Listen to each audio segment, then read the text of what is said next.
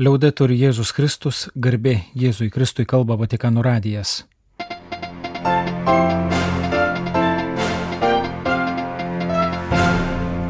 Malonus klausytojai šioje programoje.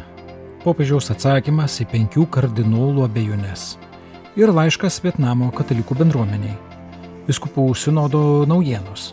Naujas apaštalų sosto paveldo administracijos pirmininkas popiežiaus potvarkės dėl dviejų Romos apylinkių biskupijų ir Vokietijos katalikų parama bažnyčiai pasaulyje.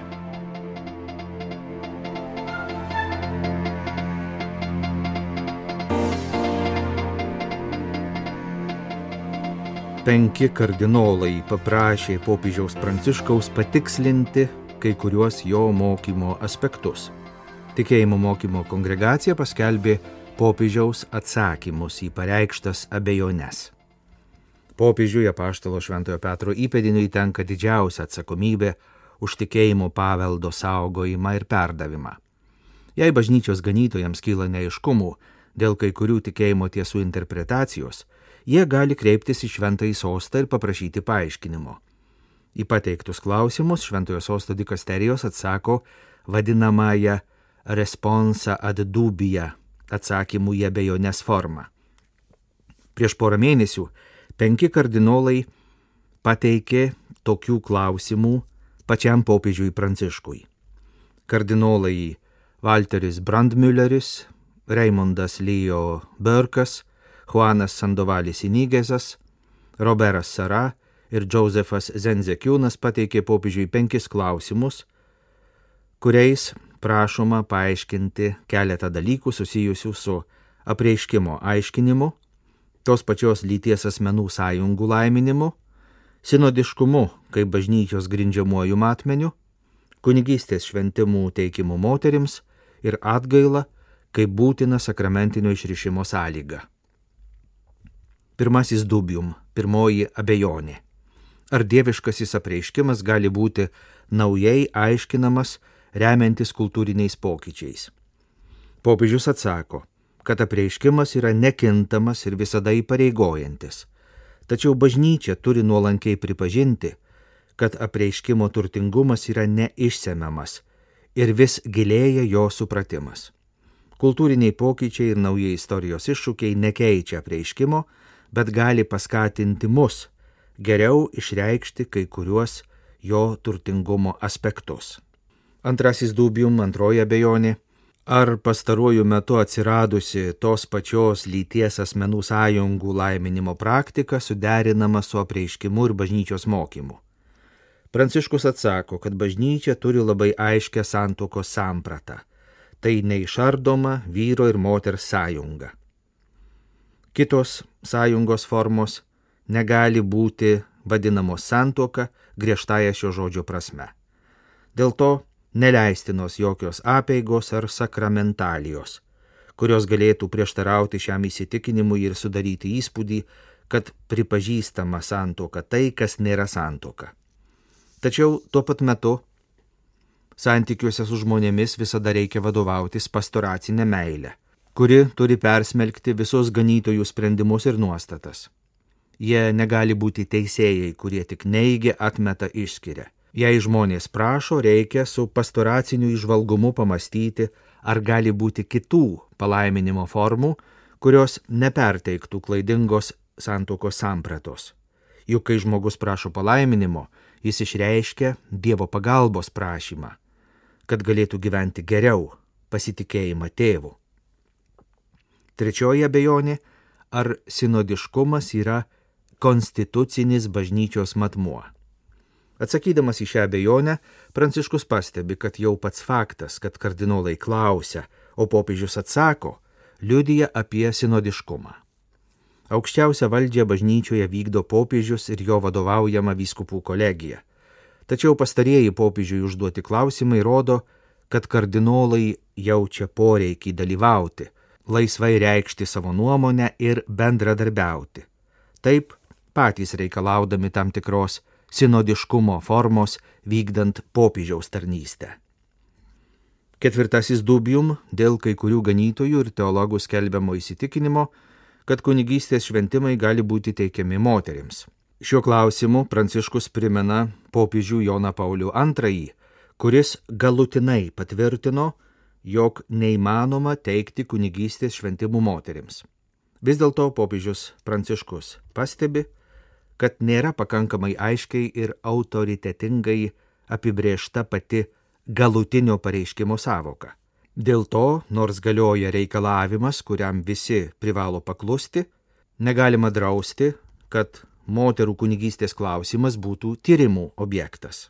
Penktoji abejonė, kaip suderinti popiežiaus pranciškaus žodžius, kad atleidimas yra žmogaus teisė ir jo dažnus raginimus nuodėmklausiams, kad atleidimas būtų suteikiamas visiems ir visada, su atgaila kaip būtina sakramentinio išrišimo sąlyga.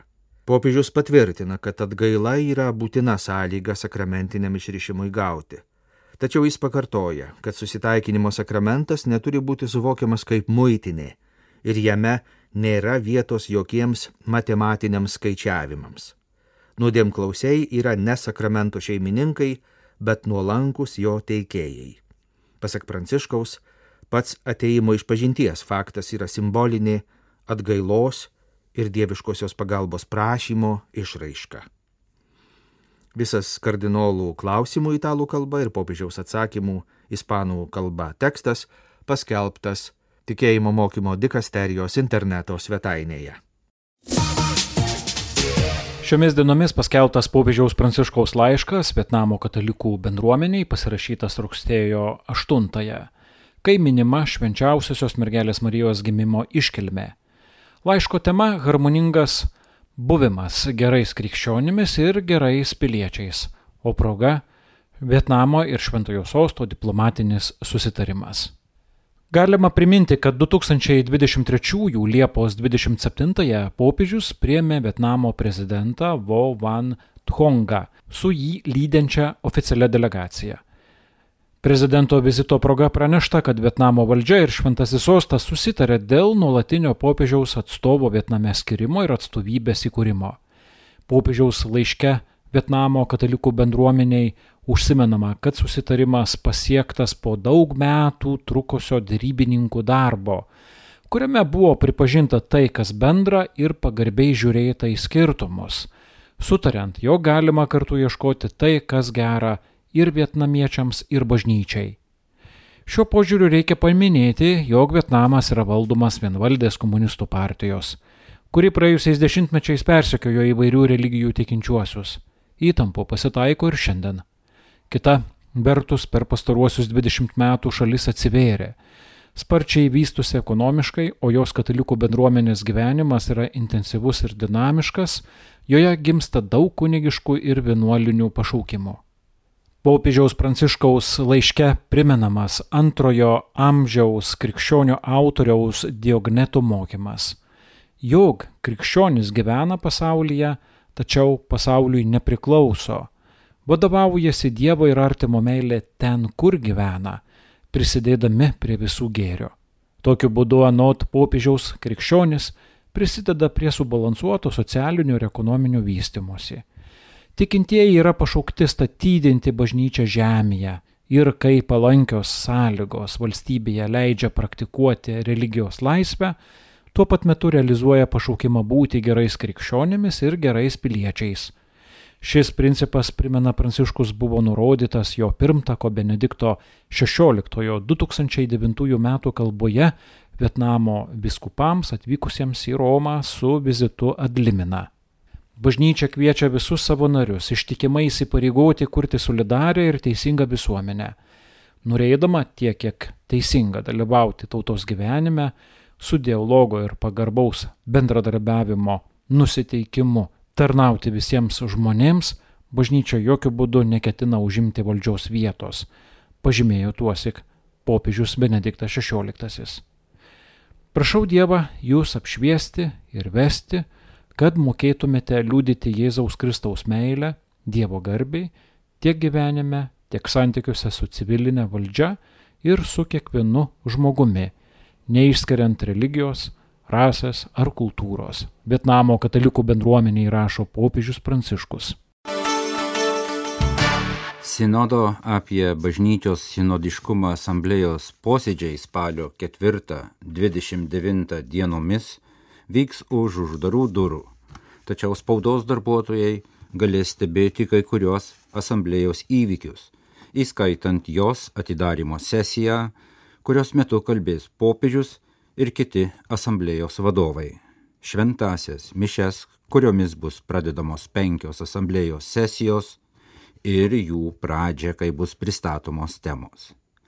Kiekvienos asamblėjos pradžios malda irgi bus vieša, kaip ir kai kurie kiti asamblėjos renginiai. Spalio 19 dienos malda už migrantus ir pabėgėlius, spalio 25 dienos rožinio malda. Be to, apie asamblėjos darbus bus informuojama kasdien vyksiančiuose susitikimuose su spaudos atstovais o po kiekvienos asamblėjos sesijos asamblėjos nariai pasidalins mintimis apie jų eigą penkiose spaudos konferencijose.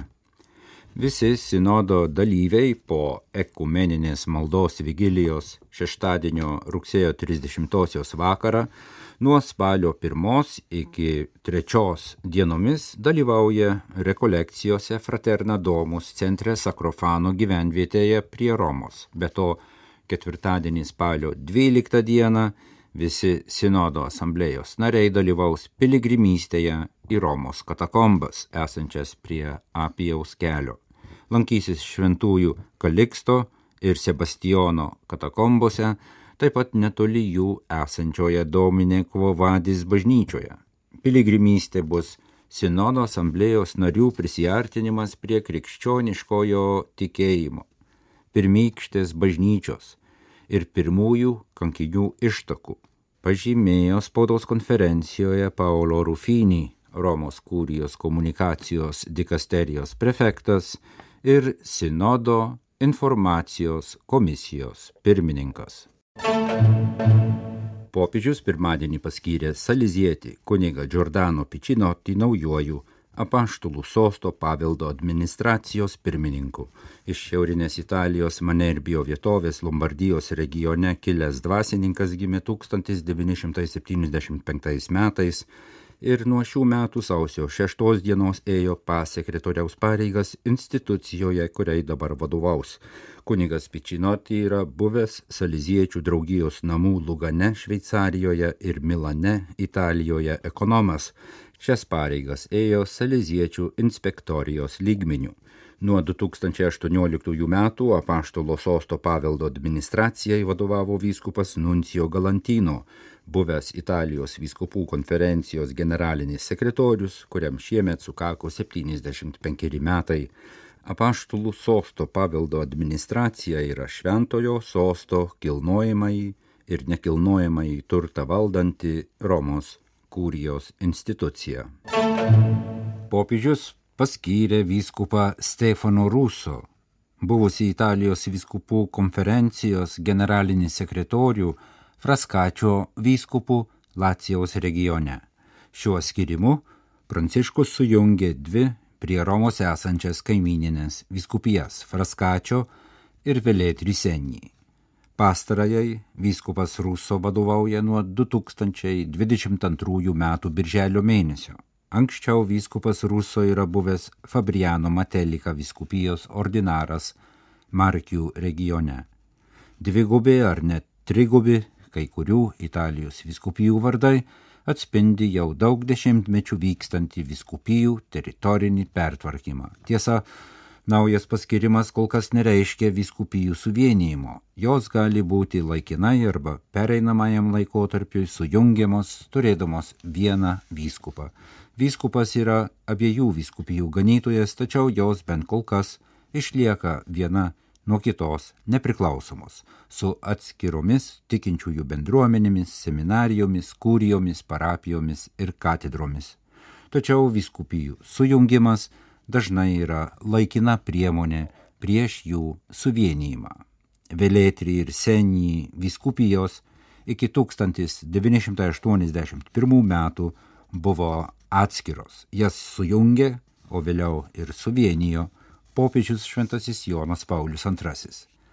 dabar vieno vyskupo vadovaujamos Fraskačio ir Velėtrisenį vyskupijos ir dar kitos penkios Romos kaimininės arba suburbinės vyskupijos - Ostijos Albano, Palestrinos, Portos, Santa Rufina ir Sabina Podžio Mirtėto - yra tiesiogiai priklausomos nuo Romos ir simboliškai laikomos garbingiausiomis po popiežiaus vyskupijos. Istoriškai joms vadovaudavo kardinolai priklausantys garbingajam kardinolų vyskupų luomui. Benediktas XVI, paskutinis iš suburbinės vyskupijos išrinktas Romos vyskupas, iki išrinkimo buvo Ostijos vyskupijos, o nuo 1993 iki 2002 metų Velėti Risenį vyskupijos kardinolas. Vokietijos katalikų viskupijos, vienolyjos ir tarptautinės pagalbos agentūros 2022 metais finansavo pastoracinius, socialinius ir plėtros projektus visame pasaulyje maždaug už 673 milijonus eurų. Pranešama Veltkirchė ataskaitoje, kurią rugsėjo viduryje paskelbė speciali viskupų konferencijos komisija kartu su pranešimais apie pagalbos projektus Afrikoje, Azijoje, Latino Amerikoje, Rytų Europoje, metinėje ataskaitoje perteikiamas aktyvios bažnyčios veiklos vaizdas. Dabartinis leidinys skirtas karo ir smurto situacijų analizai. Jame keliamas klausimas, kaip tokiomis sąlygomis įmanomas gyvenimas ir tikėjimas. Be nukentėjusiųjų liudijimų yra pavyzdžių apie bažnyčios susitaikinimo ir atminties darbą, pabėgėlių palidėjimą, apmąstymų apie gynybos suderinamumą su krikščioniškąja taikos žinia. Finansinė statistika pateikia ataskaitą apie bažnyčios veiklą visame pasaulyje, naudojamų lėšų šaltinius ir paskirstimą. Šie pinigai daugiausiai gaunami iš bažnyčios aukų, rinkliavų ir mokesčių pajamų. 2022 metais katalikų humanitariniams organizacijoms ir vienuolijoms buvo paukota beveik 425 milijonai eurų. 29 milijonai surinkti per rinkliavas bažnyčios veiklai remti.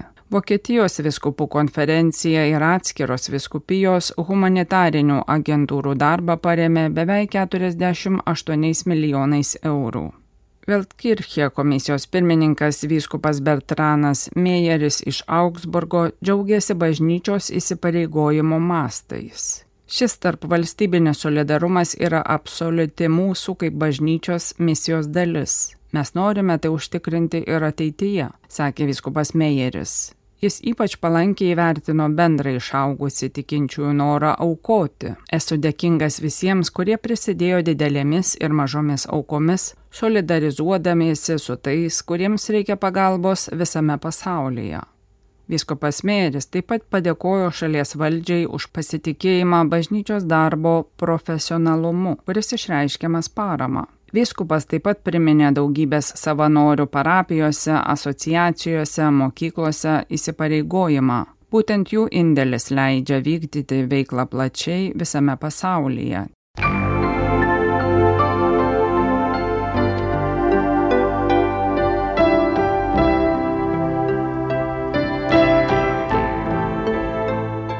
Malonus klausytojai laidą lietuvių kalbą baigiame.